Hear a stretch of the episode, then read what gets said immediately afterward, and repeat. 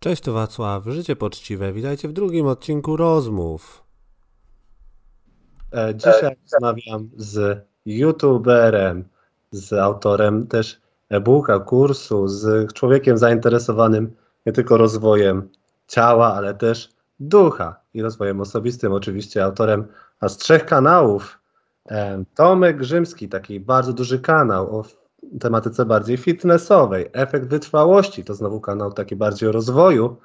I trzeci kanał, efekt świadomości, bardziej o takim rozwoju duchowym, głównie skupionym na tym. Także e, też ciekawi mnie ten rozstrzał tych kanałów. Zaraz Tomka wypytamy o to wszystko. E, no ale przede wszystkim Tomek wspomniał na początku, że najbardziej interesuje go ten rozwój duchowy. I tu chciałem zacząć od tego, żebyś Tomku powiedział o Twojej definicji rozwoju duchowego, jak to w ogóle rozumiesz i Twojej też drodze na tej ścieżce. Mhm. Więc witam wszystkich, dziękuję bardzo za zaproszenie Wacław, witam wszystkich słuchaczy, bardzo mi miło tutaj gościć.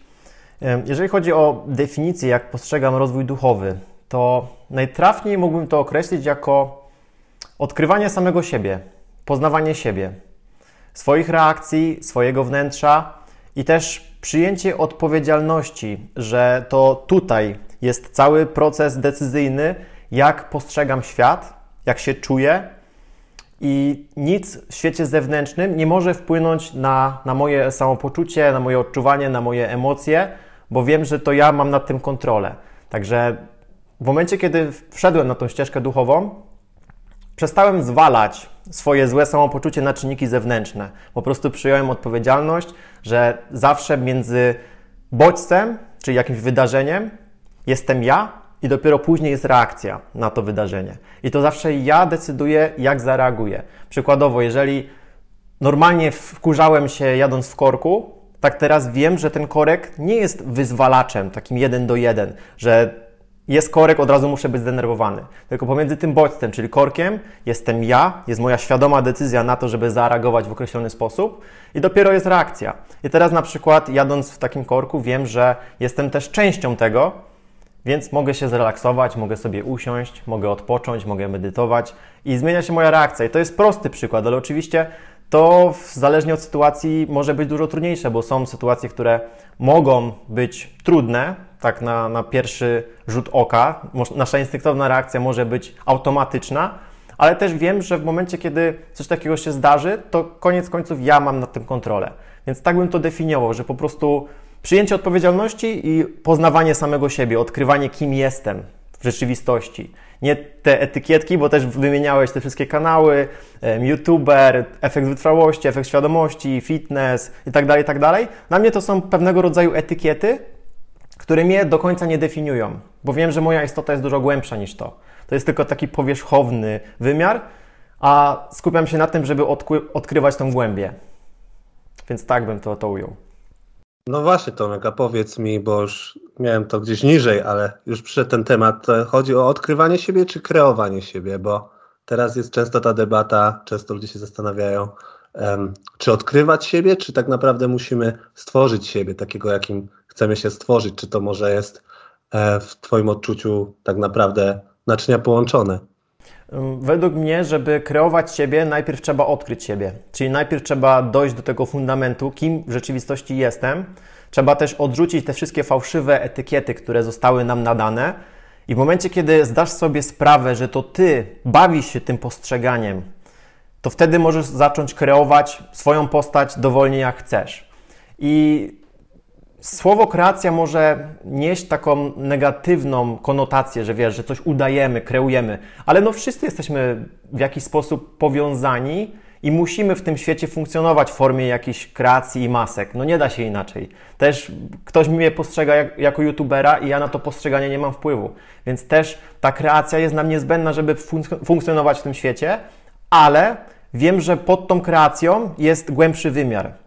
Jest coś, co jest nieskończenie wielkie i od tego wszystko się zaczyna. Więc powiedziałbym, że najpierw odkrywamy siebie, a później bawimy się postrzeganiem i tą kreacją, żeby funkcjonować w tym świecie, żeby jakoś się uziemić, bo wiadomo, że no, życie w społeczeństwie nie polega tylko na medytowaniu, odcinaniu się od wszystkiego, tylko chcemy doświadczać, chcemy poznawać, chcemy też realizować jakieś swoje projekty, więc ta kreacja też jest nam potrzebna. Czyli przez em, poznawanie siebie rozumiesz tak naprawdę schodzenie głębiej, nie? Poniżej tak jakby tych ról, które gramy na co dzień. Tak. Em, I potem, gdy już tak jakby wiemy, kim jesteśmy głębiej, możemy wybierać sobie te role, świadomie w nie grać, tak jakby być trochę i w świecie, i jednocześnie wewnątrz. Tak, tak, tak. I, i, to, myślę? tak, i właśnie, i wtedy grasz te role, a te role nie grają ciebie. W sensie tutaj jest ta różnica, że w momencie, kiedy utożsamiasz się w pełni z tymi rolami, myślisz, że jesteś tymi rolami, no to pojawia się cierpienie, kiedy te role są zagrożone w jakikolwiek sposób. A w momencie, kiedy odkryłeś już siebie, ten swój głębszy wymiar, to wiesz, że te role to jest tylko gra, to jest zabawa, z nią może się zdarzyć cokolwiek. Dzisiaj jestem trenerem, jutro mogą mi usunąć kanał fitness, ale wiem, że na fundamentalnym poziomie ta głębsza istota pozostała nienaruszona. Więc zniknęła tylko gra. Ale w momencie, kiedy utożsamiałbym się z tym, że jestem trenerem fitness, to jest moja istota, to jest moja głębia, i teraz ktoś mi zabiera kanał fitness, no to pojawiłoby się gigantyczne cierpienie, które może by mnie przebudziło. Nie wiem, może. Tak, tak, no ale mam po, podobne postrzeganie tego. I to można powiedzieć, że em, co jest taką praktyką, żeby faktycznie częściej zwracać uwagę na tą głębię. Faktycznie jak wygląda Twoja, czy tam oficjalna, czy nieoficjalna, po prostu y, jakich metod używasz, żeby częściej pamiętać, bo wchodzimy w nasze role, gramy i gramy tak dobrze, że nie wiemy już kim jesteśmy tak naprawdę. Także to jest to wyzwanie pewnie, które ta praktyka poniekąd duchowa, którą może opowiesz, to, to pomaga, nie? Utrzymać tą świadomość. Mhm. Dla mnie takim fundamentem jest medytacja. Medytuję codziennie. Czas nie ma znaczenia. To jest od 5 minut do półtorej godziny, ale robię to codziennie. To jest mój nawyk, który już tak mi wszedł w krew, że nie wyobrażam sobie nie usiąść na chwilę i nie pomedytować. Ale medytacja sama w sobie nic nie zmieni, dopóki nie przełożymy tego na nasze życie, na nasze funkcjonowanie. No bo co z tego, że będę siedział przez półtorej godziny i okej, będę medytował, jak potem stanę i nagle moje, mój umysł przejmie kontrolę i, i zacznę się w nim, z nim w 100% utożsamiać. Dlatego dla mnie taką praktyką na co dzień to jest chyba praktyka Eckharda Tolle. Tak mi się wydaje, że on o tym mówił w książce Potęga teraźniejszości i też e, w książce Nowa Ziemia. To jest mieszkanie w swoim ciele. I to jest chyba najskuteczniejsza praktyka, z jaką się spotkałem. Pokrótce chodzi o to, żeby odczuwać swoje ciało. Czyli teraz, jak rozmawiam z Tobą, to słyszę, jak ten, ten głos wypływa z tej tutaj formy, ale gdzieś jakaś cząstka mnie jest uziemiona cały czas w ciele. Czyli odczuwam to, jak się czuję, odczuwam moje dłonie, odczuwam moje stopy, odczuwam to połączenie. Czyli to mnie tak jakby uziemia, to mnie sprowadza do tu i teraz. Dzięki czemu łatwiej jest mi dostrzegać emocje, które się pojawiają, dostrzegać myśli i nie utożsamiać się z nimi, czyli jestem obserwatorem. I to jest praktyka bardzo łatwa do wprowadzenia na co dzień, bo ja na początku zaczynałem tak, że w momencie, kiedy właśnie pojawiała się jakaś trudna sytuacja, typu ten korek na drodze, czy stanie w kolejce w urzędzie, czy czekanie na kogoś, to wtedy to jest piękna okazja, żeby właśnie uziemić się i być w swoim ciele. Zwrócić uwagę, jak Twoje ciało się czuje, jaki jest przepływ energetyczny. I w momencie, kiedy zaczniemy to praktykować, to wchodzi w krew, to staje się nawykiem, dzięki czemu jesteśmy częściej tu i teraz i rzadziej odpływamy i rzadziej ta świadomość ląduje tylko i wyłącznie na naszym umyśle. Bo kiedyś faktycznie tak było, że utożsamiałem się w 100% ze swoim umysłem, wiecznie w nim byłem, a teraz gdzieś ta cząsteczka mnie jest jednak też tutaj. Czyli to jest tak naprawdę uważność, nie? E, tak, tak można by to nazwać, tą praktykę. Em, czyli robisz po prostu codziennie ileś, gdzie siedzisz faktycznie i obserwujesz swój ten małpi umysł, nie? Gadający i potem przez dzień starasz się do, do ciała wrócić, tak jakby. Dobrze rozumiem?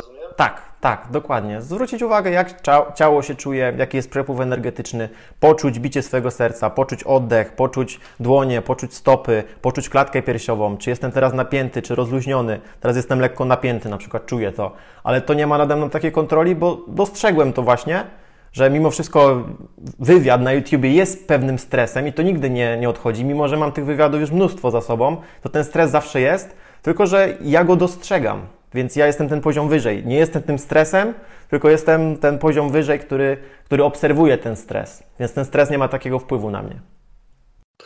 No tak, tak, dokładnie. E, Rozumiem, o czym mówisz. Em, Ale w pewnym sensie ja nawet, e, gdy e, mam już też trochę praktyki za sobą, też właśnie głównie to, czym się zajmowałem, to uważność i przez dzień taki, tak jak mówisz, stoicyzm, można by powiedzieć, że na podobnej zasadzie staramy się być, um, odpowiadać na wydarzenia bez wzburzenia tego naszego stanu.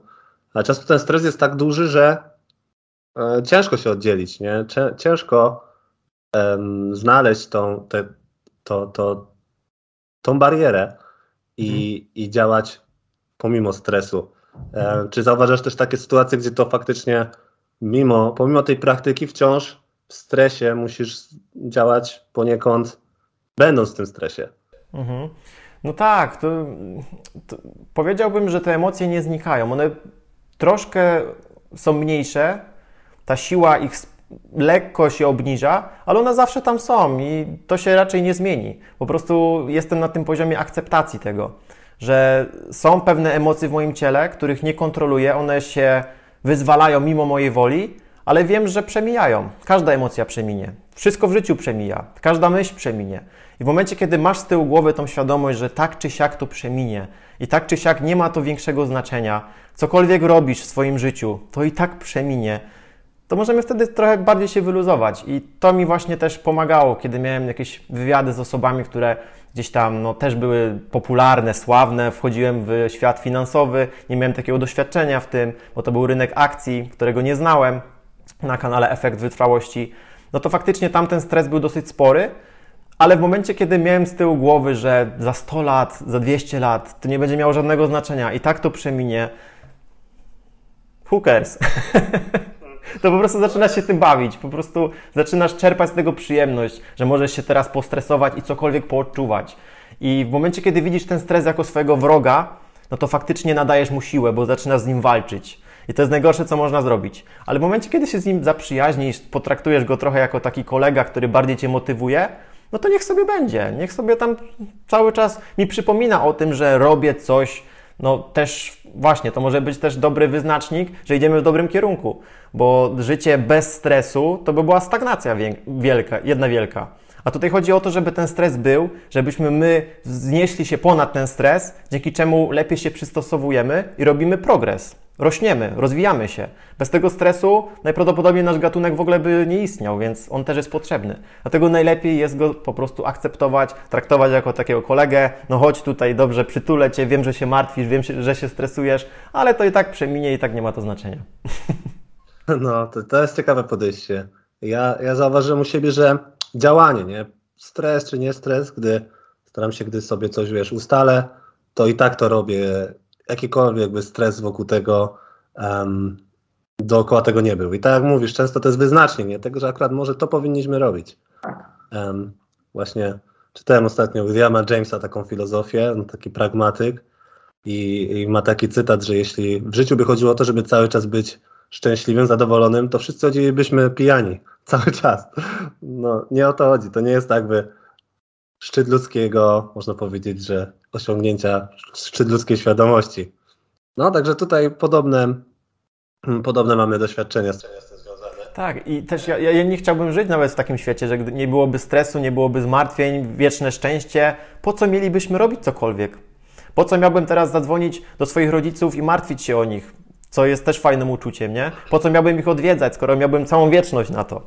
Po co miałbym podróżować, skoro miałbym do dyspozycji całą szczęśliwą wieczność? Więc to życie jest po prostu idealne, jest skonstruowane tak, jak powinno być, tylko my musimy to dostrzec. I to jest, to jest inny temat, właśnie postrzeganie życia. Nie? Ja też dużo o tym mówisz, zauważyłem. Parę obejrzałem Twoich materiałów, gdzie e, na przykład, gdzie mówiłeś o, jeśli chodzi o prawo przyciągania i wpływ myśli na rzeczywistość, to jest też temat, który chciałem poruszyć, bo często odrzucamy ten temat od razu bez sensu, racjonalnie, no to wiadomo, jak pomyślisz o czymś, to to się nie pokaże. Film The Secret jest zrobiony, tak ostatnio rozmawiałem z Damianem, taki jest bardziej amerykański niż Ameryka, nie? Myślimy, przychodzi, jest wszystko super. E, świetna, świetny marketing. E, mhm. Podczas gdy w tej tak jakby mm, w tym pomyśle, w tej idei jest e, trochę sensu, jest, jest jakieś jej sedno. Um, powiedz, jak ty się do tego odnosisz, do wpływu myśli na rzeczywistość, czy um, i z takiej esoterycznej strony powiedzmy, i z takiej strony pragmatycznej, jako kogoś, kto um, też sporo osiągnął um, na YouTubie i w, ty, w swoich biznesach i w tych sprawach. wyszedł często poza e, swój główny temat. Jak e, ty widziałeś pozytywne myślenie, czy wpływ myśli na rzeczywistość jako coś pomocnego? No właśnie, to jest bardzo ciekawy temat, bo no myślę, że jestem takim hmm, troszkę nietypowym przykładem, bo ja ten, no jak to nazywasz, sukces na, na YouTubie osiągnąłem mm, tak de facto wiecznie się zamartwiając i wcale nie myślałem jakoś super pozytywnie. Bardziej właśnie strach mnie napędzał. Strach przed tym, że będę musiał y, robić coś, czego w życiu nie lubię, czyli na przykład pracować na etacie. To był taki mój wyznacznik, że nie chcę pracować na etacie. I dlatego też stworzyłem swoją działalność. Stwierdziłem, że muszę pracować na swoim i to mnie jakby napędzało. I ale nie było w tym krzty szczęścia. Ja pracowałem po 12, 14, 16 godzin na dobę, non-stop, po prostu cały czas przesiadując przy tych obróbkach filmów, yy, odpisując na komentarze, tworząc swoje programy, kursy i tak. I nie było w tym krzty szczęścia i dopiero duchowością tak na serio, mimo że już miałem pierwsze próby jakieś tam 5-6 lat temu, gdzie już medytowałem, przeczytałem Eckarda Tolle właśnie Potęga Teraźniejszości i gdzieś już wiedziałem, że jest jakiś inny wymiar, którego ja nie znam, ale na tamtym etapie jeszcze byłem totalnie uwięziony właśnie w takim typowym gonieniu, wyścigu szczurów, materializmie, mm, dalej więcej, więcej, więcej. I nie było w tym żadnej satysfakcji, totalnie żadnej, bo w pewnym momencie faktycznie osiągnąłem wszystkie swoje cele, które sobie postanowiłem, tą pracą i tym no, wypruwaniem sobie flaków. I to wszystko bazowało na strachu głównie. I byłem nieszczęśliwy. I zadałem sobie pytanie, no to co dalej? Osiągnąłem to, Ktoś mi kiedyś powiedział, że jak coś osiągnę, to będę szczęśliwy, a tutaj guzik. Jestem totalnie nieszczęśliwy. Po co ja to robiłem? No i dopiero wtedy mm, tak na serio zacząłem interesować się duchowością, e, zacząłem medytować, odciąłem się też na, na dłuższy czas od so, social mediów, tak żeby znaleźć siebie i dopiero rozwój duchowy dał mi spełnienie. I dopiero teraz też moje postrzeganie się zmienia. Więc ja jestem takim przykładem trochę, że no, ta, ta droga do sukcesu albo do duchowości może być naprawdę na tysiąc różnych sposobów, że to chyba nie jest tylko i wyłącznie pozytywne myślenie, które niewątpliwie pomaga, bo no, łatwiej, dużo lepiej ma osoba, która jest optymistycznie nastawiona do życia, dużo lepiej też znosi porażki, bo ja to negatywne myślenie i ten strach przypłaciłem swoim zdrowiem, na pewno, więc wolałbym to osiągnąć już wtedy z innym mindsetem, ale pewnie drugi jest bardzo dużo i można również coś osiągnąć w tym świecie materialnym z no, dość negatywnym mindsetem, takim jak mój był, nie? Właśnie, a moje pytanie jest teraz trochę adwokata diabła, bo przecież mhm. bez właśnie tego, można powiedzieć, że stanu umysłu braku, bez tego strachu, bez tego działania pomimo zdrowia, pomimo um, zmęczenia, poświęcenia tego, tych wielu rzeczy, czy, czy bez tego by faktycznie doszło do rozwinięcia tych rzeczy tak bardzo i czy bez tego doszłoby do zainteresowania duchowością później. No. Jak uważasz? Właśnie można jakby gdybać. Nie? No to, to jest super, tak. I to jest super właśnie, że na to zwracasz uwagę. Dlatego ja totalnie wychodzę z takiego paradygmatu, że coś jest dobre albo złe. Dla mnie to jest abstrakcja, bo to jest tylko umysł, który coś znowu próbuje zaszufladkować, że to jest dobre, to jest złe. No, my nie wiemy, co jest dobre, a co złe, bo to, co dzisiaj wydaje mi się złe, za kilka tygodni może okazać się najlepszą decyzją albo zdarzeniem w życiu. Więc tak jak w tej opowiastce z farmerem, nie, nie wiem, czy znasz. No, nie wiem, nie wiem, o której myślisz. To, to mogę na szybko opowiedzieć. By, był sobie farmer, który, który miał konia i ten koń mu zwiał, uciekł. No i przychodzą sąsiedzi do tego farmera i mówią mu: O stary, ale ty masz pecha, taka, taka dorodna klacz, a, a ci zwiał. A farmer na to odpowiedział: Dobrze, źle, kto to wie. Dzień później ten sam koń wrócił, ale przyprowadził jeszcze jednego konia, więc teraz farmer miał aż dwa konie. I znowu przychodzą sąsiedzi i mówią: O, stary, ale ty masz szczęście, teraz masz dwa konie, miałeś tylko jednego. Znowu farmer odpowiada: Dobrze, źle, kto to wie. Kolejnego dnia syn, wchodząc na tego nowego konia, spada z niego i łamie sobie nogę. I znowu przychodzą sąsiedzi i mówią: o stary, ale ty masz pecha, kto ci teraz będzie pomagał na tej farmie? Twój jedyny syn ma złamaną nogę. Farmer znowu odpowiada, dobrze, źle, kto to wie. Kolejnego dnia wybuchła wojna i wszyscy zdrowi mężczyźni zostają zrekrutowani do wojska. Oprócz faceta, który dzień wcześniej złamał sobie nogę. Więc on na ten front nie poszedł. No i znowu zbierają się sąsiedzi i mówią, o stary, ale ty masz szczęście. Twój syn nie poszedł na wojnę. A farmer odpowiedział, dobrze, źle, kto to wie. I bardzo lubię tę historię, właśnie pokazuje mi, że my nie mamy pojęcia, co jest dobre, a co złe. To, że dzisiaj cierpisz, to to cierpienie może okazać się w perspektywie 5-10 lat czymś totalnie wyzwalającym, bo jeżeli to cierpienie macie doprowadzić do wolności od Twojego umysłu, od Twoich emocji i masz się poczuć, no w sumie tego się nie da opisać, jak, jakie to jest uczucie. No ale masz odkryć ten wymiar duchowy, to warto, naprawdę warto. Więc my nie wiemy, co jest dobre, a co złe. Dokładnie, no świetnie to powiedziałeś, bo często właśnie powiedzmy, że nie masz pracy, masz rodzinę do wyżywienia, wtedy nie możesz, nie będziesz myślał o tam rozwoju duchowym, będziesz myślał o tym, jak coś zarobić, jak zmienić swoje życie materialnie, nie? I to nie jest tak, że to jest, wiadomo, trzeba być zawsze w tym stanie zen, nie? Tylko raczej wydaje mi się, że są takie okresy w życiu, kiedy po prostu bardziej się skupiamy na tym, gdy mamy już pewne tutaj możliwości, skupiamy się na tym. Tak jakby te, te tryby życia, nie? Tak się zmieniają. I tak jak mówiłeś o tej opowiastce, jak już zacząłeś o niej mówić, to sobie ją przypomniałem. Jest też podobna historia właśnie nawet w Koranie, mhm. um, ale jej nie będę opowiadał, ale w każdym razie jest też e, w tym samym kontekście, mm, gdzie dzieją się rzeczy wyglądające na złe, które potem, sprawy, które potem są wyjaśnione, nie? Co, na przykład czemu one przeciwdziałały. Także no, to, to takie patrzenie na życie właśnie w kategoriach też tego, że um, to ma znaczenie, nie? co się wydarza. Mhm. Płynnie przejdziemy do znaczenia, tematu znaczenia, bo widziałem w książkach na przykład, które pokazywałeś na kanale, Twoja świadomość, człowiek mhm. w poszukiwaniu znaczenia, człowiek w poszukiwaniu sensu. Oczywiście wiemy, jest to świetna książka, ja ją też tu recenzowałem. A może nie będziemy mówić o może Holokauście, tylko raczej o sensu, o szukaniu sensu znaczenia w naszych dzisiejszych zawodach, w pracy, e, mhm. bo e, ty jesteś samozatrudniony, może to jakoś inaczej wygląda z twojej perspektywy. Ja jestem na etacie zatrudniony, pracuję e, w branży IT, w migracji, obecnie w migrowaniu systemów. I będąc w takich dużych organizacjach od, od 2014 roku w zasadzie, ciągle ciężko mi znaleźć poczucie sensu głębokie. Nie? Dlatego na przykład właśnie robię YouTube, mimo że biorąc pod uwagę jakiś zwrot, jeśli chodzi o pieniądze, czy cokolwiek w tym sensie, jest to w ogóle bez sensu działanie, ale mhm. daje mi to takie poczucie znaczenia, dzielenia się czymś, nie? I sensu, którego na przykład nie mogę znaleźć w pracy.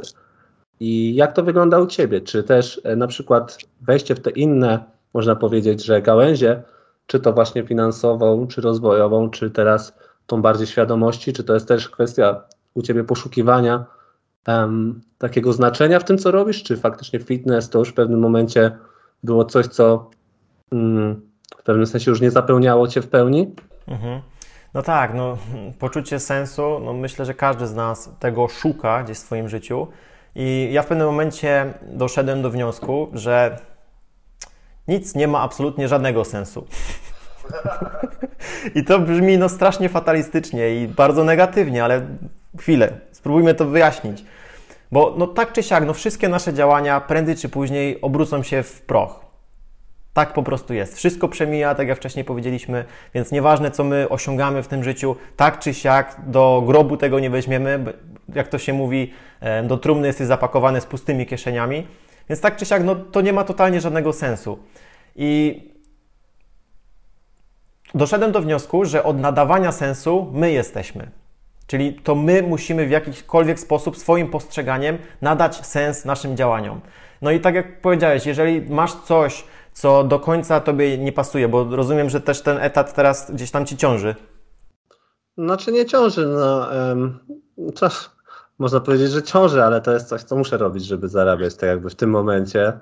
Um, ale muszę szukać znaczenia tak gdzie indziej, nie? Robię tam, co trzeba, wiem, co robię, um, tylko będąc w dużej organizacji, robiąc taką małą część na przykład produktu lub taką zerową prawie część, że jako widzisz, że jaką to ma wartość dla klienta, mhm. to jest bardzo ciężko się tam odnaleźć, nie?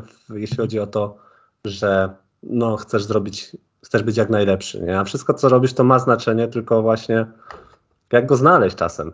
Mhm. No właśnie, no, jedynie co możemy nadać, to, to swoim postrzeganiem, swoimi działaniami, ten sens i od tego my jesteśmy. Tutaj nie znajdziemy go gdzieś w świecie zewnętrznym, tylko znowu trzeba poszukać tego wewnątrz siebie. I tak, no, ja tymi swoimi kanałami szukałem sensu bardzo, bardzo długo i nie mogłem go znaleźć, bo na początku próbowałem właśnie w kanale fitness, w osiąganiu sylwetki, to jeszcze przed kanałem fitness, bo najpierw była sylwetka. W momencie, kiedy już zdobyłem fajną sylwetkę, gdzieś tam wymarzony six-pack, stwierdziłem, że to nie jest to, to, to, to nie miało sensu takiego większego, bo to wiele nie zmieniło. Oczywiście dbanie o ciało jest bardzo potrzebne i tutaj nie chodzi o to, żebyście teraz zrezygnowali z siłowni, bo sam chodzę na siłownię, trenuję, tyle że postrzegam w tym głębszy wymiar już teraz, bo wiem, że sam six-pack no nic nie zmieni, dopóki Twoja głowa nie będzie zmieniona i odmieniona, dopóki nie nadasz temu sensu w tym wymiarze wewnętrznym. Teraz już to wiem, kiedyś tego nie wiedziałem. E, ten kanał fitness, dążenie do tego, żeby właśnie pracować samodzielnie na swoim, też te początki to było też próba właśnie znalezienia sensu. Też w tym nie znalazłem tego sensu. Potem był kanał e, właśnie biznesowy, efekt wytrwałości. W inwestycjach szukałem, też nie znalazłem sensu. Dopiero ten głębszy wymiar, ta duchowość, tutaj znalazłem sens w tym, żeby samemu się uwolnić od cierpienia i teraz tworząc te materiały, żeby pomagać innym, żeby też dostrzegli ten właśnie wymiar że świat zewnętrzny nigdy nam nie da spełnienia. Co byśmy nie zrobili, to zawsze to będzie łapanie się prochu, łapanie się pyłu. Dopiero pełne spełnienie odczuwam i wiem, że to jest w innych osobach również, w momencie, kiedy zatapiam się sam w siebie. Czyli ten wymiar, ten sens nadaje mój wymiar wewnętrzny. I wiadomo, że musimy coś robić, żeby przetrwać, ale tak jak ty tworzysz właśnie jakieś treści na YouTube'a i w tym widzisz sens, to super, właśnie go znalazłeś, nadałeś temu sens, temu swojemu istnieniu. I fajnie by było, gdybyśmy szukali właśnie w momencie, kiedy nie potrafimy mm, jeszcze tego tak dobrze poukładać, kiedy musimy też robić, podejmować się pracy zarobkowej, to znaleźć jakąś pasję, która spowoduje, że przez chwilę poczujemy ten sens. Czyli po prostu rozwijanie się poza, poza tylko tym zarabianiem i wiadomo, grindowaniem, życiem w Matrixie, no musi być jeszcze jakaś odskocznia, która, która gdzieś Ci na chwilę chociaż pomoże, nie? Chociaż z drugiej strony też często jest tak, że te rezultaty napędzają poniekąd, nie? Rezultaty też mogą nadawać pewnie do pewnego momentu, mhm. mogą być tym katalizatorem. Czujesz sens, bo robisz coraz większe rezultaty, coraz większe obroty, cokolwiek z tym związane. Tak, tak, tylko to, to można porównać, że to jest taki szybki strzał dopaminy, bo ego czyli właśnie to dążenie, coraz więcej, rozwój osobisty i tak dalej, tak dalej, to ja postrzegam, że to może dać Ci szczęście krótkotrwałe. O, fajnie, osiągnąłem sukces, mam fajne wyniki, mam dobrze prosperujący biznes, kanał na YouTube i tak dalej, tak dalej. Super. Tyle tylko, że zaraz chcesz więcej, zaraz też martwisz się o to, że to utracisz, bo zasięgi spadają, ludzie też odchodzą, wszystko przemija i pojawia się cierpienie. Więc jeżeli szukamy tego sensu w tym właśnie, w tym dążeniu ego, no to tam go nie znajdziemy bo tam nie ma trwałego szczęścia. Tam jest szybki strzał, jasne, jestem zadowolony, to mnie napędziło, ale zaraz pojawi się coś, co cię sprowadzi na dół. No i przerabiałem to właśnie, że, że okej, okay, osiągnąłem swój cel, ale teraz inflacja, teraz rynki finansowe się załamały, teraz jakieś nowe podatki wchodzą i też to jest pewnego rodzaju cierpienie bogatego. tak jak jest cierpienie biednego, tak też jest cierpienie bogatego. Dlatego nie da się znaleźć spełnienia w rzeczach zewnętrznych. Tylko, że to jest droga, którą pewnie trzeba przebyć, nie? Że tego nie da się powiedzieć, stary, no nie, te pieniądze nie dadzą ci spełnienia. Ja bym sam sobie nie uwierzył. Naprawdę. Więc bardzo bym chciał, żeby każdy osiągnął jakiś sukces, żeby odkrył, że to nie jest to. I że trzeba znaleźć to gdzieś indziej. To jest, to jest ciekawe, bo właśnie dojdziesz do jakiegoś pułapu, myślisz, że to już jest to i ten pułap gdzieś przesuwa się, nie? Tak. Nie nawet nieświadomie to robisz, tylko po prostu to się dzieje automatycznie, gdy, gdy gonimy cały czas, coraz dalej, coraz dalej. Um, tak naprawdę nie wiadomo za czym, gdy się nie zastanowimy nad tym właśnie, um, nad tym wnętrzem. To jest taka esencja takiego, moim zdaniem, poszukiwania duchowego, bo, um, bo to daje taką długofalową, takie głębokie szczęście. Nie to szczęście zależne od tego, czy akurat wygrałem, czy przegrałem, tylko raczej takie, takie taką stałą, nie? Z taką tak. pewną stałą, głęboką radość. Tak. I wtedy wiesz, że wszystko może się zawalić jutro, bo tak może być, zaraz będzie jakiś krach większy, jakiś kryzys, a ty i tak pozostaniesz szczęśliwy i spokojny, bo masz swój wymiar wewnętrzny, swój wymiar duchowy, który jest po prostu no, stały, wieczny i nie do rozwalenia. Więc na tym się buduje, nie? Tylko no to bardzo ciężko jest zrozumieć w momencie, kiedy jesteśmy pochłonięci tym dążeniem, walką o przetrwanie, no to ciężko jest to zrozumieć, na pewno. Ja pewnie 2-3 lata temu bym tego nie zrozumiał. Więc musiałem przejść swoją drogę, żeby dopiero to skumać, nie?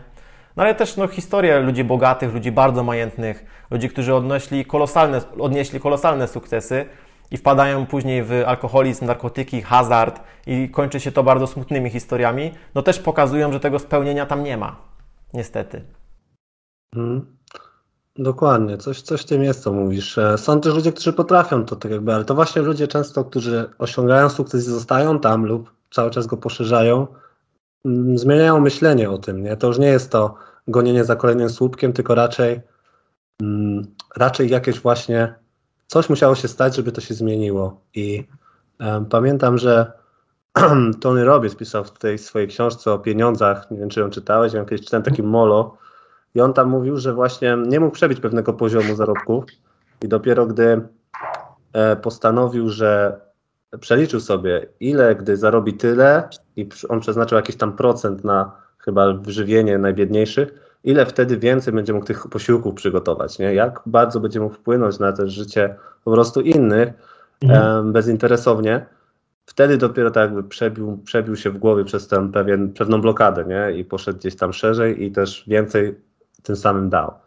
Że mhm. tak jakby no, potrzeba pewnej też może gamifikacji tego, nie? Poniekąd, bo trzeba się odciąć od tego przetrwania i raczej zacząć tak działać bardziej luźno, żeby, żeby to się wszystko nie e, poburzyło, tak zauważyłem.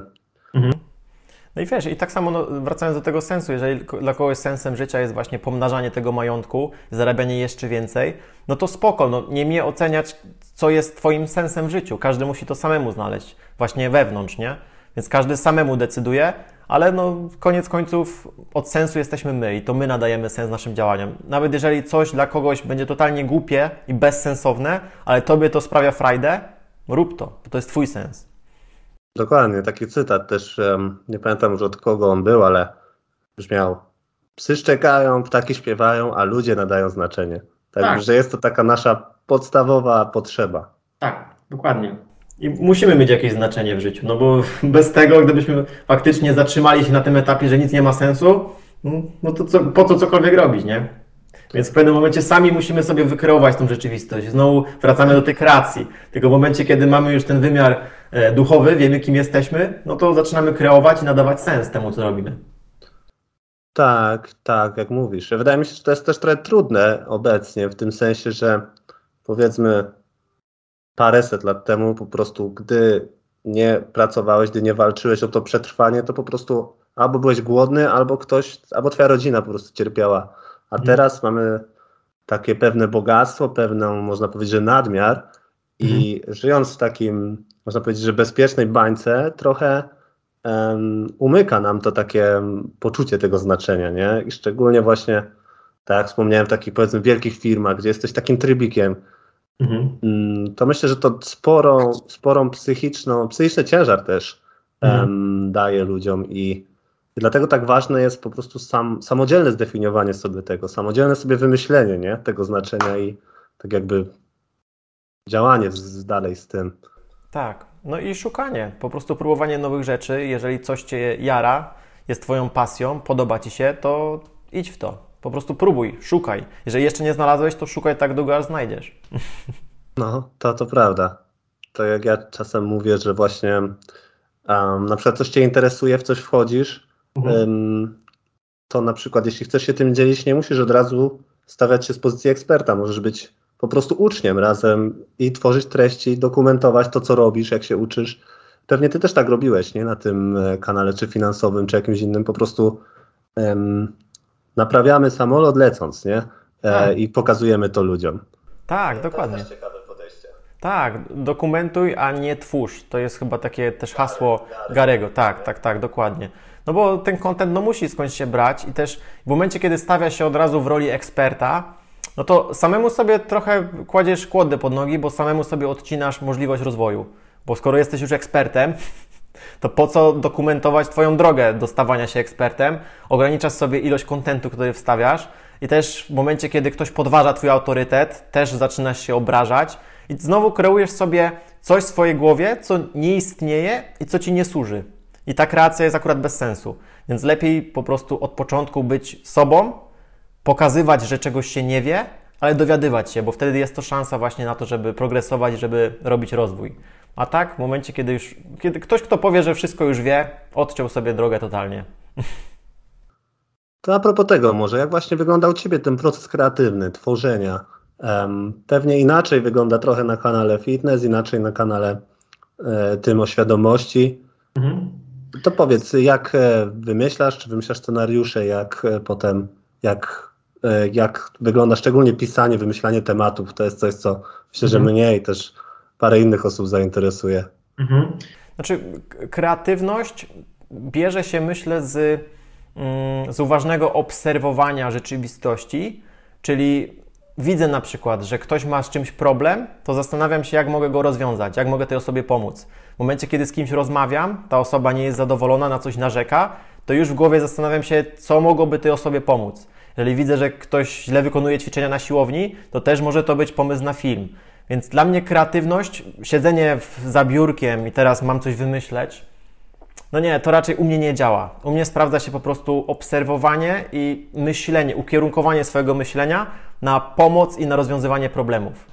Po prostu wszystko, co obserwuję, co widzę, zastanawiam się, jak mogę ulepszyć, albo co mogę powiedzieć, co mogę nagrać, i stąd się bierze kreatywność, to jest po pierwsze. No a po drugie, czytanie. Dużo czytania książek, e, oglądania filmów na YouTubie, podglądania, jak to robią inni. I tutaj nie chodzi o, o kopiowanie, tylko o obserwowanie, kto jak sobie radzi z danym problemem. Więc to bardziej jest inspiracja.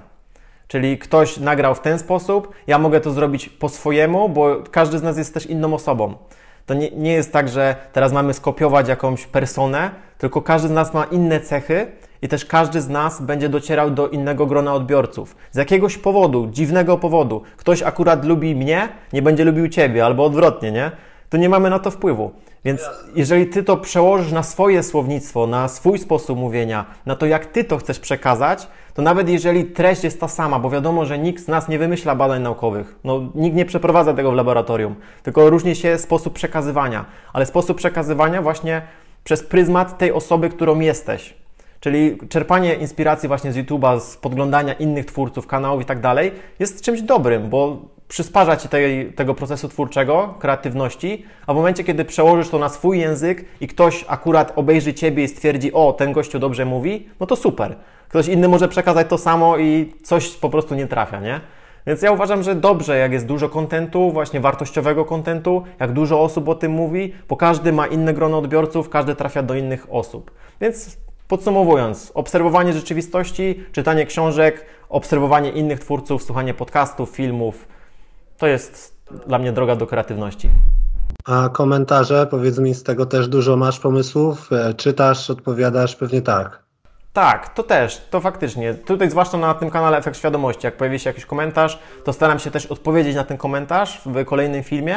I to też jest dobry zabieg marketingowy, w tym sensie, że jak ktoś zobaczy, że mm, odpisuje na komentarze, interesuje się nimi, albo nawet nagrywam film na ten temat, to jest bardziej chętny, żeby ten komentarz napisać. A im więcej komentarzy, komentarzy tym większy zasięg na YouTubie. Więc to też jest też fajny trik, można powiedzieć. No bo wiadomo, no każdemu twórcy zależy na tym, żeby jednak rozszerzać to grono zainteresowanych. No wiadomo, że jest to w tym aspekt ego, ale ja z tym ego się godzę, koegzystuję z nim i wiem, że ono tak czy siak będzie, więc jeżeli ma to komuś pomóc i mam dotrzeć tym samym do większego grona odbiorców, to dlaczego by nie robić właśnie tego typu rzeczy? Jasne, jasne. U mnie na przykład to jest też dobre, że masz powiedzmy to grono odbiorców i oni są zainteresowani tym, tymi samymi rzeczami, co ty mniej więcej, nie? Pewnie nie przez przypadek są w tym gronie odbiorców, mhm. dlatego często u mnie bardzo dużo pomysłów, bardzo dużo, czy nawet świetnych rekomendacji mam właśnie od widzów i a mhm. między innymi ciebie widz polecił, żebym do ciebie napisał na właśnie rozmowę, bo jesteś, wiesz, bardzo szerokie spektrum pokrywasz, można powiedzieć, swoją osobą e, rzeczy, które też tutaj pokrywamy i że to będzie ciekawa rozmowa. Także jak najbardziej kolejny trafny komentarz mhm. e, od, od, od widza. Także piszcie komentarze. Piszcie jak najwięcej, to prawda. Um, jeszcze może zapytam Cię też o siłownię i trudne sytuacje i duchowość może razem, bo chciałem zapytać, czy też traktujesz może ćwiczenia, może szczególnie powiedzmy nogi, czy takie dni treningowe bardzo trudne, jako pewną, pewne miejsce do trenowania swoich granic, tego ile tak naprawdę mogę zrobić i jak daleko się mogę popchnąć, bo na przykład dla mnie ćwiczenia i siłownia to było miejsce, gdzie pierwszy raz zobaczyłem, że gdy faktycznie wchodzę tam i robię to, co robię, to mam obiektywnie rezultaty co do tego, co zrobiłem, jak jadłem i ta ciężka praca naprawdę daje efekt. Nie? Tu akurat wizualny, ale też, sam, też po, samopoczucie, pewność siebie, wszystko wokół tego. I tak jakby na tym zbudowałem potem poniekąd taką etykę pracy i pewność siebie w innych dziedzinach życia. Em, I, i, I dlatego ta siłownia wręcz jest dla mnie, można powiedzieć, że takim, taką świątynią duchową, du, duchowym miejscem do rozwoju też tych granic, właśnie tego, co mogę zrobić. Czy u Ciebie też to tak wygląda, czy tak wyglądało? Kim byłeś zanim ten sześciopak właśnie e, zrobiłeś i, i jak to wpłynęło na Twoje, twoje życie? Tak, no jak powiedziałeś o tym aspekcie, bo wcześniej zahaczyliśmy trochę o temat siłowni i tam powiedziałem, że nie znalazłem spełnienia w tym końcowym rezultacie i to jest prawda, no nie znalazłem tam sensu, musiałem szukać go dalej, ale właśnie to, co powiedziałeś, że ta etyka pracy, konsekwencja, dzień po dniu dążenie do czegoś, no spowodowało, że łatwiej mi było to przełożyć na biznes, na, na kanał, bo tam wiedziałem, że ta konsekwencja będzie miała ten sam rezultat. Z tym, że tam myślałem, że to znajdę w ten sens w końcu, ale no, no, no niestety nie, znalazłem go gdzieś indziej. Może, może to był ten sens właśnie. Tak, ale no to jest, są wszystko schody. No to jest, to jest tak, że tutaj nie było, okej, kolejna rzecz, kolejna rzecz, kolejna rzecz.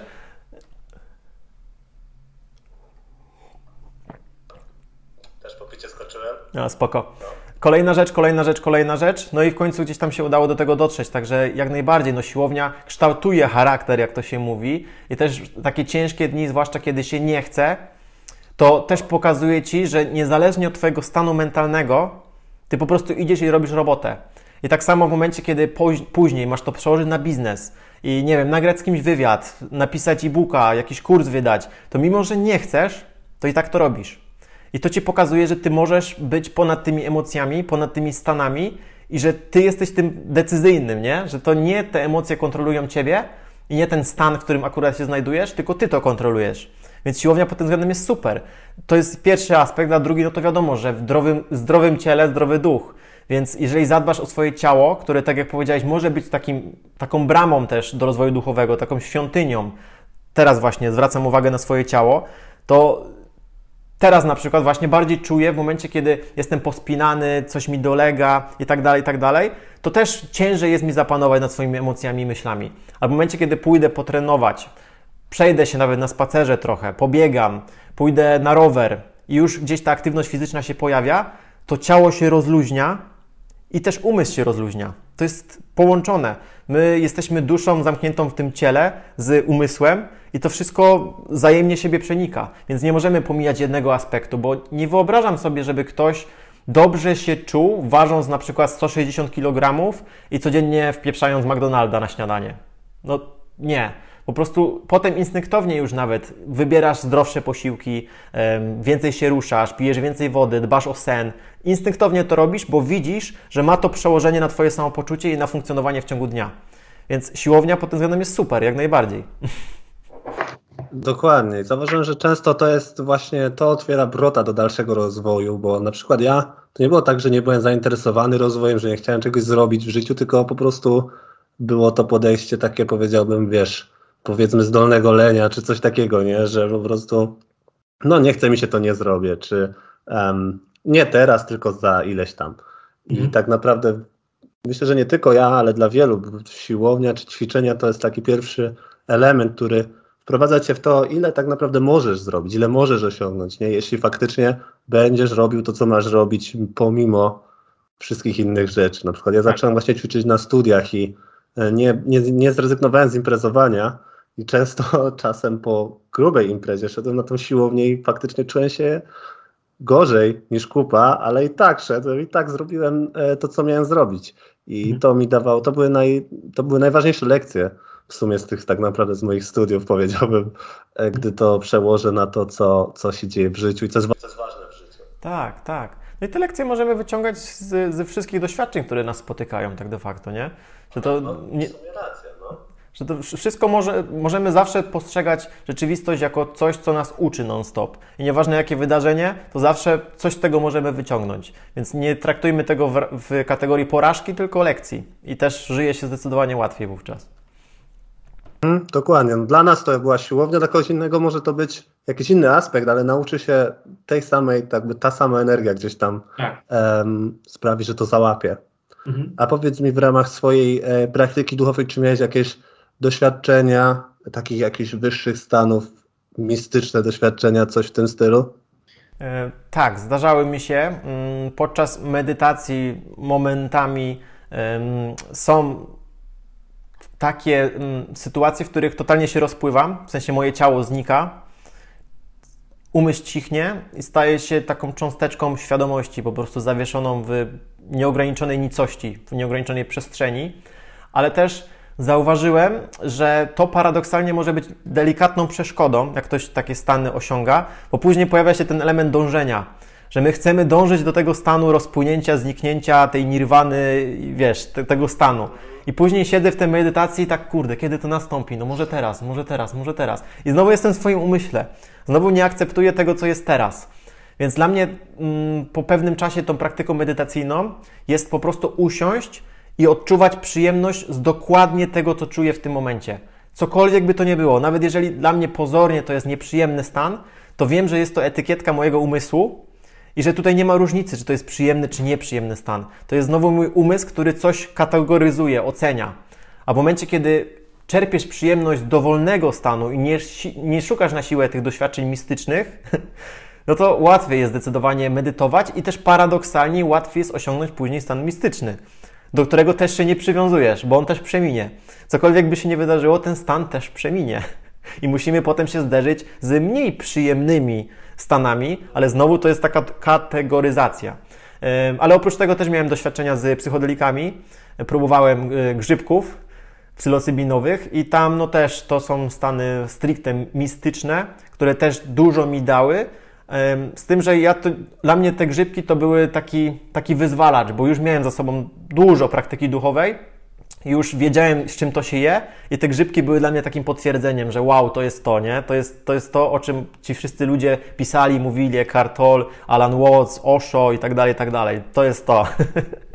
Więc to też mi pokazało, że później tą swoją praktyką, już bez żadnych substancji, mogę do tego stanu dążyć i mogę gdzieś, jak taki żuczek, powoli się wspinać na ten szczyt, nie? Dokładnie, no to rozumiem, że powiedziałbyś, że trzeba być gotowym do tych doświadczeń poniekąd, nie? Bo e, to nie to, czy to może być droga na skróty, ale czy to jest najlepsza droga raczej e, często nie. Jeśli Tak, chodzi o tak. tych ludzi też poszukujących doświadczeń, nie? E, mistycznych, ekstremalnych, duchowych. Mhm. No tak, bo jeżeli ktoś weźmie po prostu i nie wie w ogóle, z czym to się je, tak, tak to określi, określimy, to no, potraktuje to jako przelotny stan, jako, jakąś tam faskę. Super było, ale no co z tego, nie? Ale w momencie, kiedy masz już jakieś przygotowanie, to jesteś w stanie naprawdę bardzo dużo z tego wyciągnąć i no, mi to dużo dało, to na pewno. Dużo mi to dało, dużo z tego wyciągnąłem, dużo mnie to nauczyło, dużo mi to pokazało, ale byłem przygotowany już na to. Wiedziałem, z czym, wiedziałem po prostu, z czego się spodziewać. E, Też dużo na ten temat poczytałem. E, Zadbałem o to, żeby mieć odpowiednie nastawienie przed zażyciem tych substancji, plus zadbałem o to, żeby no właśnie być w komfortowej em, sytuacji, żeby nikt mi nie przeszkadzał. Też to było z bliską dla mnie osobą, więc no wszystko było tak jak trzeba. Dokładnie, protokoły trzeba też e, zachować w tych Tak. sprawach. Tak, dokładnie. A tak z ciekawości, ty próbowałeś substancji? Ja miałem zawsze ochotę, a jakoś nigdy nie nadarzyła się okazja. Mhm. Szczególnie, że mam tu książkę um, Pokarm Bogów. Nie wiem, czy czytałeś Terence McKenna, to jest taki właśnie Tak. psychodeliczny szaman, nie? Tak, tak, I on tam, em, super książka jest pod względem tego, jak rozdziela narkotyki, które właśnie zamykają umysł i takie, które poszerzają świadomość, nie? Nawet chwilowo. I właśnie, e, no właśnie zawsze mnie to fascynowało, ale jakoś nigdy się nie, nada- nie nadarzyła okazja, może, e, może kiedyś się ta okazja nadarzy, ale tak jak mówisz, tak jakby nie biegnę za tym, nie, nie szukam tego na siłę, tylko Mhm. no po prostu przyjdzie taki czas, to może, może będzie e, możliwość, żeby, żeby to zrobić. Tak, bo tam też, też nie będzie zbawienia w tym, w tym stanie. To nie jest tak, że to rozwiąże wszystko, nie? To, to znowu jest nasz, nasz umysł, który szuka zbawienia. Zbawienie jest teraz, tu, w tym momencie, jedynie. Tu i teraz, właśnie. Jeszcze mm, a propos jednego filmu, co widziałem z tobą, e, z książkami, wspominałeś o rozmowach z Bogiem, że to była też taka książka, która wpłynęła na ciebie. I chciałem cię zapytać, czy takie mm, e, poczucie faktycznie wyższej siły, czy to jest coś takiego, co ci towarzyszy, czy to ci jakoś, czy to ci pomaga, czy masz taką jakąś świadomość, że właśnie, no jakbyśmy to nie nazwali, wyższa świadomość, Bóg, e, jaźń, różnie to ludzie nazywają, czy e, takie poczucie ci towarzyszy, że jest coś większego niż ty gdzieś. Em, też. Tak, po, poczucie jest, jest doświadczenie tego, z tym, że to poczucie u mnie też przychodzi i odchodzi i zamienia się w wiarę. I to jest dosyć ciekawe, bo to nie jest tak u mnie cały czas, że tak, jestem w 100% przekonany, że, że no właśnie, jestem Bogiem, absolutem, że to wszystko, wiesz, Ty też jesteś Bogiem, wszystko, co widzę, jest Bogiem. I są momenty, w których faktycznie to doświadczenie gdzieś u mnie jest, że czuję to na tym poziomie tutaj wewnętrznym, a są momenty, w których czuję się odłączony trochę od tego i pozostaje mi wiara. I to jest, to jest ciekawe, że też, też kiedyś byłem bardziej z tego powodu, nie wiem, załamany, smutny, że wiesz, że nie odczuwam tego połączenia non-stop, ale też przestałem się do tego przywiązywać, że okej, okay, jest, nie ma. Na, na poziomie wiary, jakby miał powiedzieć, to, to tak, no w 100% w to, w to wierzę, to dla mnie ma sens, to jest dla mnie bardzo logiczne. Um, nielogiczne są dla mnie poglądy, że, że ten świat um, głupia materia zrodziła coś inteligentnego. Tak, tak jak teraz mówi konsensus naukowy z reguły, nie? Że, że mówi się, że wyrośliśmy z głupiej materii, która jest pozbawiona świadomości. Do, do mnie to totalnie nie przemawia, bo chociażby obserwacja natury, złożoności tego systemu, jak to wszystko jest połączone ze sobą, jak my jesteśmy połączeni z tą naturą, chociażby my postrzegamy się jako odrębne istoty. No ale czy byśmy byli w stanie przeżyć chociażby minutę bez drzew, czy moje płuca byłyby kompletne, gdyby nie to, że drzewa produkują tlen? Czy te drzewa mogłyby istnieć, gdyby nie to, że produkuje CO2? No nie, po prostu jesteśmy wzajemnie połączeni, powiązani i dla mnie na poziomie logicznym, umysłowym to ma ogromny sens, dlatego jest ta wiara i od czasu do czasu pojawia się takie fundamentalne poczucie, że faktycznie wow, super, ale ten stan przemija. Mm. Jest też, e, można powiedzieć, taka pragmatyczna, mm, pragmatyczny pragmatyczny, pozytywny element tego, nie? Bo um, na przykład jeśli zobaczysz na tam anonimowych alkoholików i ich 12 zasad, jedną z nich jest um, poświęcenie tego nałogu wyższej sile, tak jakby. I um, bez tego tak jakby cały ten proces nie ma sensu, czyli w pewnym sensie trochę oddajemy um, część tej odpowiedzialności na tą wyższą siłę, żeby sobie z tym poradzić. Mhm. To jedna rzecz. A druga rzecz, e, śmieszna, śmieszny fragment był w tej książce, też co Ci już mówiłem, William James jego filozofia, który jest też pragmatykiem i nie, nie, niewierzącym, albo chyba niewierzącym, ale w każdym razie mówił, że był ciężko chory i dobrze mu zrobiło, gdy się pomodlił. Nie? W pewnym sensie mówi, że polecenie tych, ty, tego cierpienia Bogu, to, to, to wyszło to naturalnie i mówi, że o, i od tamtej pory tak zaczął eksplorować też sens właśnie tego, jak ta postrzeganie tej wyższej siły pomaga nam w życiu, bo każdy jest, każdy ma jakieś postrzeganie, a potem, gdy przychodzi jakaś powiedzmy ekstremalnie trudna sytuacja, często widzimy ludzi, którzy wracają do, idą do po prostu klęczeć i się modlą, albo jakoś inaczej, wiesz, próbują to wyższą siłę przywołać, nie? Także to jest, to jest interesujące. Tak, no, no bo to, to nasze ego, to nasze postrzeganie, no nigdy nie da nam spełnienia, tak jak zresztą już wielokrotnie mówiliśmy w tym materiale, przysparza to nam cierpienie i teraz w momencie, kiedy zawierzymy siebie czemuś wyższemu od nas, to to ego też gdzieś odchodzi w cień, rozbija się. No i no, na tym polega chociażby praktyka duchowa, religijna, z tym, że no ja nie wierzę w takiego Boga stwórcę, osobowego Boga, tylko dla mnie Bogiem jest cały wszechświat i dla mnie Bogiem jest po prostu świadomość, że to wszystko jest, jest inteligentnym konceptem, który non-stop się rozwija, ewoluuje i dla mnie na tym poziomie ewolucji, na którym jest człowiek, wykształcił ego, bo było mu to potrzebne do przetrwania, ok, ale teraz moim zdaniem kolejnym skokiem ewolucji będzie właśnie to, żeby dostrzegać to ego i dostrzegać, że nie jesteśmy tylko tym ego. I, no i to pokazuje teraz sytuacja chociażby na świecie, co ego potrafi zrobić. zabijamy się, wojny, pieniądze, pieniądze korupcje, e, walka o władzę, no to wszystko powoduje właśnie to dążenie, to ego, które non-stop chce więcej, więcej, więcej, mimo że no, my tutaj w, tym, w tej cywilizacji no, mamy podstawowe przetrwanie zapewnione, a mimo to cały czas więcej, więcej, więcej, nie? Odebrać komuś innemu. Więc myślę, że ten skok świadomości powoli następuje i mam nadzieję, że to tak będzie wyglądało, że człowiek w końcu dostrzeże ten wyższy wymiar swojej świadomości, że jest tym wszechświatem, a nie tylko maleńką, maleńkim jakimś żuczkiem, jakąś drobinką w tym wszechświecie. I to spowoduje przeskok, że w końcu zaczniemy siebie dostrzegać i zaczniemy się łączyć, a nie dzielić, bo na razie to jest jeden wielki podział, nie?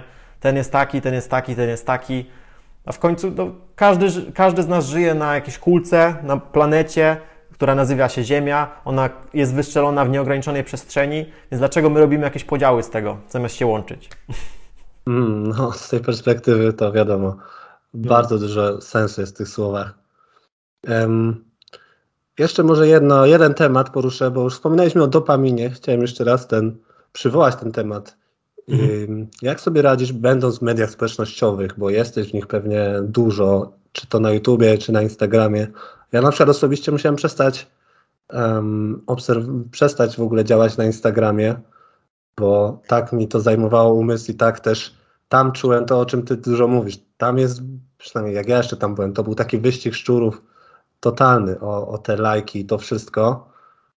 Podobnie zresztą jeśli chodzi o YouTube, mam taką blokadę strony głównej, żeby właśnie nie wyświetlały mi się filmy e, proponowane. Mam też blokadę Facebooka, żeby feed mi się nie wyświetlał, takie pewne rzeczy, żeby właśnie zmniejszyć te dopaminowe strzały, bo, mhm. bo zauważyłem, że wiesz, będąc w tym, jeszcze, znaczy w ogóle to nie byłem długo na Facebooku, ale jako kreator, to jesteśmy w tym, nie? I to nas łatwo może pożreć, ta konsumpcja tych, tych treści.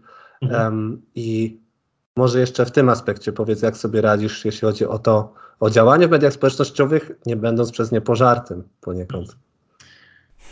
Powiem Ci, że nie czuję się kompetentny, bo sam, bo sam ulegam strasznie, bo no, media są skonstruowane w taki sposób, żeby przyciągać uwagę, żebyś non-stop miał te strzały dopaminy. Tam pracują specjaliści, którzy głowią się dniami i nocami nad tym, żeby wysłać Ci powiadomienie w odpowiednim momencie, żebyś Ty to powiadomienie sprawdził i żebyś znowu wszedł i przebywał tam jak najdłużej. To jest tak skonstruowane, żeby po prostu Cię zniewalać. Tak. Tak, dokładnie. I, i, no po prostu no, to jest cholernie trudne i mimo, że e, medytuję, gdzieś mam ten głębszy wymiar w sobie, to jak wchodzę na, na Instagrama, na YouTube'a, to też bardzo często się zapominam. I no, ja na razie jeszcze nie znalazłem złotego środka. Jeżeli znajdę, to na pewno będę chciał też pomóc innym w tym, ale no, na razie ja po prostu jeszcze sobie z tym nie radzę. I też miałem przerwę od social mediów, tak jak Ci mówiłem, że szukałem tego głębszego wymiaru i tam faktycznie było super. Medytacja, e, spacery, zajmowanie się czymś innym, jakieś kreatywne zajęcia. E, no, nawet zacząłem malować, takie wiesz, rzeczy artystyczne bardziej. No i wróciłem na tego YouTube'a, no i znowu się zaczęło, nie? Tak jakby te stare schematy, te stare demony się pojawiły w mojej głowie. Jest lepiej pod tym względem, że już nie ma tam tego ciśnięcia, nie ma 100% uwagi, na pewno też mniej korzystam z telefonu komórkowego, ale skłamałbym, gdybym powiedział, że jestem od tego wolny, bo nie, nie jestem. I muszę to jakoś na razie jeszcze rozgryzać, jakoś z tym walczyć, jakoś funkcjonować. Mimo wszystko jest to moja praca, ja też chcę pomagać, też chcę docierać do innych ludzi, ale na razie jeszcze nie mam do tego środka. Nie wiem, naprawdę nie wiem. Właśnie, dlatego Cię chciałem o to zapytać, bo to jest tym trudniejsze, jak jeszcze jesteś właśnie twórcą, nie? Bo tak. o ile powiedzmy jesteś konsumentem, to odetniesz się totalnie, a gdy robisz tam treści, to jest jednak biznes, też biznesowa wartość tych treści, oczywiście i wszystko wokół, no nie możesz się w 100% odciąć, ale musisz tak, zapanować nad tym poniekąd. Mhm. I, I ja też, e, gdy miałem przerwę od, od YouTube'a, też robiłem taką z tydzień przerwy, to to jest ciekawe, nie, że to, co wcześniej ci się wydawało nudne, nagle, o, tak jak wspomniałeś o malowaniu, u mnie też to było malowanie, ale też to były nawet sięgnięcie po takie książki stare, które gdzieś tam leżały tak długo i mhm. nie chciało mi się ich zacząć czytać, nagle to się wydaje interesujące i mhm. to jest taki ciekawy mechanizm, że ta dopamina cały czas działa, cały czas, wiesz, wystrzela w tym mózgu, ale po, gdy odetniemy trochę media społecznościowe, to ona zauważyłem, że strzela w lepsze miejsca, nie? Że Tak. szukamy lepszych rzeczy, takich bardziej kreatywnych i bardziej korzystnych dla nas. Tak. Mhm. No, ale dla mnie straszne było podczas tej przerwy, jak zorientowałem się, ile myśli mam na ten temat, żeby sprawdzić powiadomienia. No to jest dramat. Po prostu siedzisz sobie na pięknej polanie, gdzieś tam nad brzegiem rzeczki, a cały czas ten nawyk sięgania po telefon i sprawdzania tego jest, jest i cały czas funkcjonuje. I cały czas te myśli wracają. No i to jest straszne, jak my wszyscy w to wpadamy, jak jesteśmy od tego uzależnieni. I teraz no, wydaje mi się, że taki twórca, który codziennie wstawia i jest na wszystkich, wszystkich możliwych platformach i mówi, że on nie jest od tego uzależniony, to, to dla mnie to jest po prostu oszukiwanie samego siebie. Bo ja wiem, że jestem uzależniony, jeszcze nie znalazłem sposobu i mam nadzieję, że kiedyś znajdę jakoś, żeby znaleźć ten złoty środek, no ale no nie wiem, na ten moment nie wiem, bo no, social media są świetne pod tym względem, że faktycznie możesz zbudować swoją markę, e, możesz też pracować dla siebie, mieć więcej czasu pod tym względem, no ale to jak Cię to wciąga, jak uzależnia, no to jest minus. Nie, nie ma plusów bez minusów chyba, nie? Dokładnie, dokładnie. Tomek, kurczę, bardzo ciekawa rozmowa. Byśmy mogli rozmawiać pewnie jeszcze kolejną godzinę. Ale zaprosiłem Cię na godzinkę. Także może na następne spotkanie za parę miesięcy się umówimy. I Jasne. znowu coś e, poruszymy, ciekawe tematy. Bardzo Ci dziękuję, że wpadłeś. E, znajdziecie Tomka na kanałach Tomek Grzymski, na kanale Efekt Wytrwałości i na kanale Efekt Świadomości. Zgadza Bardzo się. polecam jego treści. I jeszcze raz dziękuję. Również bardzo dziękuję, bardzo miło mi było i mam nadzieję, że się jeszcze spotkamy właśnie na łączach i przedyskutujemy jeszcze jakieś tematy. Super. Dzięki. To na razie. Dzięki, pozdrawiam, cześć. Wow, jaka świetna rozmowa. Dziękuję bardzo za słuchanie. Proszę Ciebie, widzu czy słuchaczu, o komentarz dotyczący tego, kogo jeszcze chciałbyś, żebym zaprosił na te rozmowy o życiu poczciwym, na życiu poczciwym, bo jak widzisz, komentarze od Was, sugestie od Was są tym, co, czym się kieruję, wybierając poszczególnych gości. I też każdy like, każdy kciuk w górę pod filmem daje większe zasięgi, co daje większe możliwości zapraszania potem ludzi, którzy widzą, że gdzieś te filmy idą w świat. Także proszę bardzo też o to i widzimy się w kolejnym odcinku. Do usłyszenia i zobaczenia. Cześć.